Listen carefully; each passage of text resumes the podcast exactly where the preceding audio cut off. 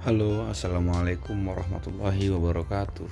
Perkenalkan, nama saya Muhammad Ilham Radiansyah dengan NIM 1900 9063 dari Prodi Pendidikan Pancasila dan Kewarganegaraan. Uh, baik, pada kesempatan kali ini saya akan membawakan materi pada kelas 10 bab 6 yaitu ancaman terhadap negara dalam bingkai Bhinneka Tunggal Ika. Baik, uh, setiap warga negara Indonesia harus memiliki jiwa mencintai tanah airnya. Bukti kita mencintai tanah air harus dibuktikan dalam kehidupan sehari-hari. Hal ini karena mencintai dan menjunjung tinggi negara itu sudah merupakan kewajiban kita sebagai warga negara Indonesia. Yang pertama, ancaman terhadap integrasi nasional. Satu, ancaman di bidang militer. Perkembangan persenjataan militer di setiap negara harus ditingkatkan. Bahkan ada negara yang memiliki senjata pemusnah massal yang berbahan kimia dan nuklir. Suatu negara yang melakukan agresi dikategorikan sebagai ancaman kedaulatan negara, keutuhan wilayah, dan keselamatan suatu bangsa. Agresi ini mempunyai bentuk-bentuk mulai dari yang berskala paling besar sampai dengan yang terkecil. Bentuk ancaman militer yang sering terjadinya cukup tinggi adalah tindakan pelanggaran wilayah, yaitu wilayah laut, ruang udara, dan daratan. Buktinya, wilayah negara kita pernah ada yang dicaplok dan diakui oleh negara lain. Pemberontakan bersenjata juga menjadi ancaman militer yang harus serius ditangani oleh bangsa Indonesia. Negara Indonesia mempunyai fungsi pertahanan negara yang ditujukan untuk memberikan perlindungan terhadap warga negara, objek-objek vital nasional, dan instalasi strategis dari kemungkinan aksi sabotase.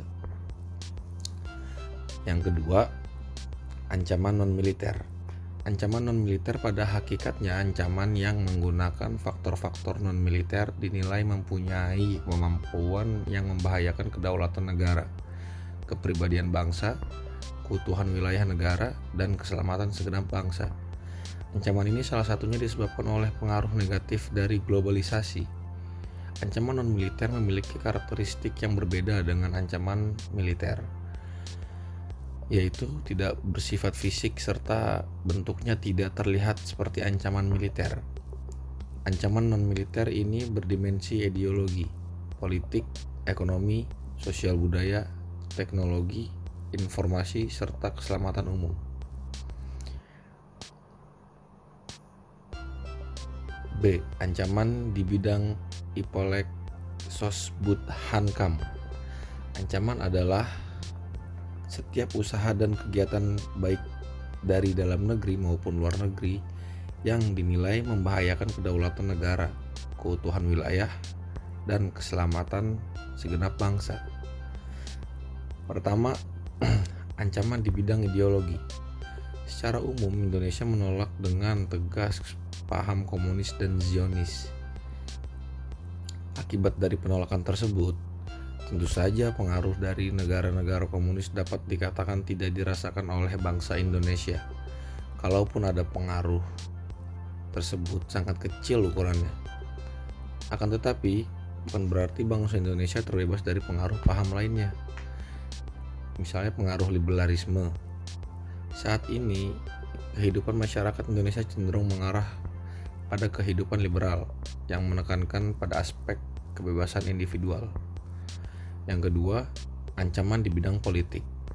Ancaman di bidang politik dapat bersumber dari luar negeri maupun dalam negeri. Dari luar negeri, ancaman di bidang politik dilakukan oleh suatu negara dengan melakukan tekanan politik terhadap Indonesia. Intimidasi, provokasi, atau blokade politik merupakan bentuk ancaman non-militer berdimensi politik yang sering kali digunakan oleh pihak-pihak lain untuk menekan negara lain.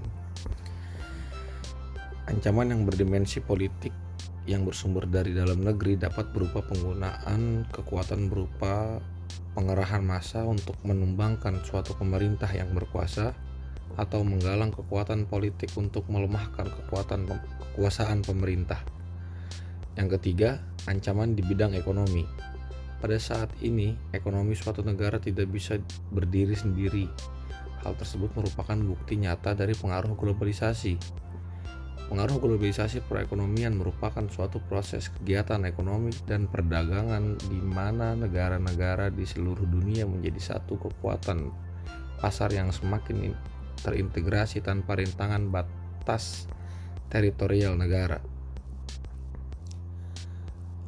Ancaman kedaulatan Indonesia dalam bidang ekonomi di antaranya adalah satu, Indonesia akan kedatangan oleh barang-barang dari luar negeri dengan adanya perdagangan bebas yang tidak mengenal adanya batas-batas negara. Yang kedua, perekonomian negara kita akan dikuasai oleh pihak asing seiring dengan semakin mudahnya orang asing menanamkan modalnya di Indonesia. Yang ketiga, persaingan bebas akan menimbulkan adanya pelaku ekonomi yang kalah dan menang. Yang keempat, sektor-sektor ekonomi rakyat yang diberikan subsidi semakin berkurang, koperasi semakin sulit berkembang. Yang kelima, memperburuk prospek pertumbuhan ekonomi jangka panjang. Yang keempat, ancaman di bidang sosial budaya. Ancaman di bidang sosial budaya dapat dibedakan atas ancaman dari dalam dan dari luar. Adapun ancaman dari luar timbul sebagai akibat dari pengaruh negatif globalisasi di antaranya adalah satu munculnya gaya hidup konsumtif dan selalu mengkonsumsi barang-barang dari luar negeri. Dua, munculnya sifat hedonisme. Tiga, adanya sikap individualisme.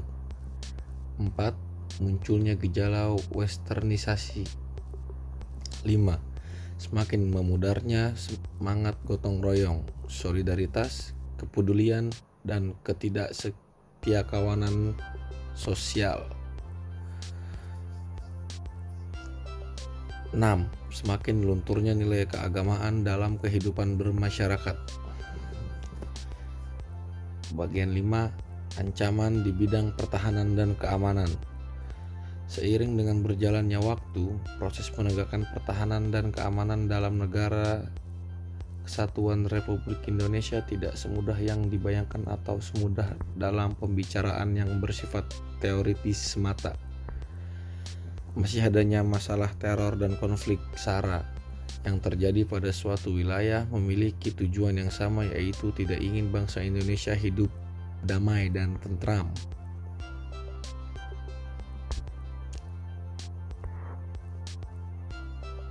Bagian 3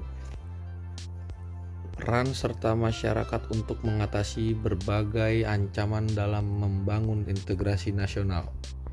Pertama, tidak membeda-bedakan keberagaman misalnya pada suku, budaya, daerah, dan sebagainya. Kedua, menjalankan ibadah sesuai dengan keyakinan dan agama yang dianutnya. Ketiga, membangun kesadaran dan akan pentingnya integrasi nasional. Keempat, melakukan gotong royong dalam rangka peningkatan kesadaran bermasyarakat, berbangsa, dan bernegara.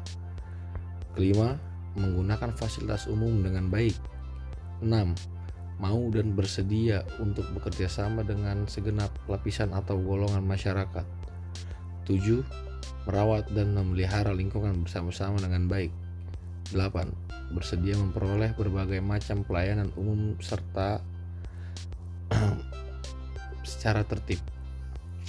9. Menjaga kelestarian lingkungan dan mencegah terjadinya pencemaran lingkungan. 10. Mengolah dan memanfaatkan kekayaan alam guna meningkatkan kesejahteraan rakyat. 11. Menjaga keamanan wilayah negara dari ancaman yang datang dari luar maupun dari dalam negeri. 12. Memberi kesempatan yang sama untuk merayakan hari besar keagamaan dengan aman dan nyaman. 13. Berpartisipasi dalam berbagai kegiatan yang dilakukan oleh masyarakat dan pemerintah. 14. Menjaga persatuan dan kesatuan bangsa. 15 bersedia untuk menjaga keutuhan negara kesatuan Republik Indonesia. Baik, cukup sekian materi dari saya. Kurang lebihnya mohon maaf. Wassalamualaikum warahmatullahi wabarakatuh.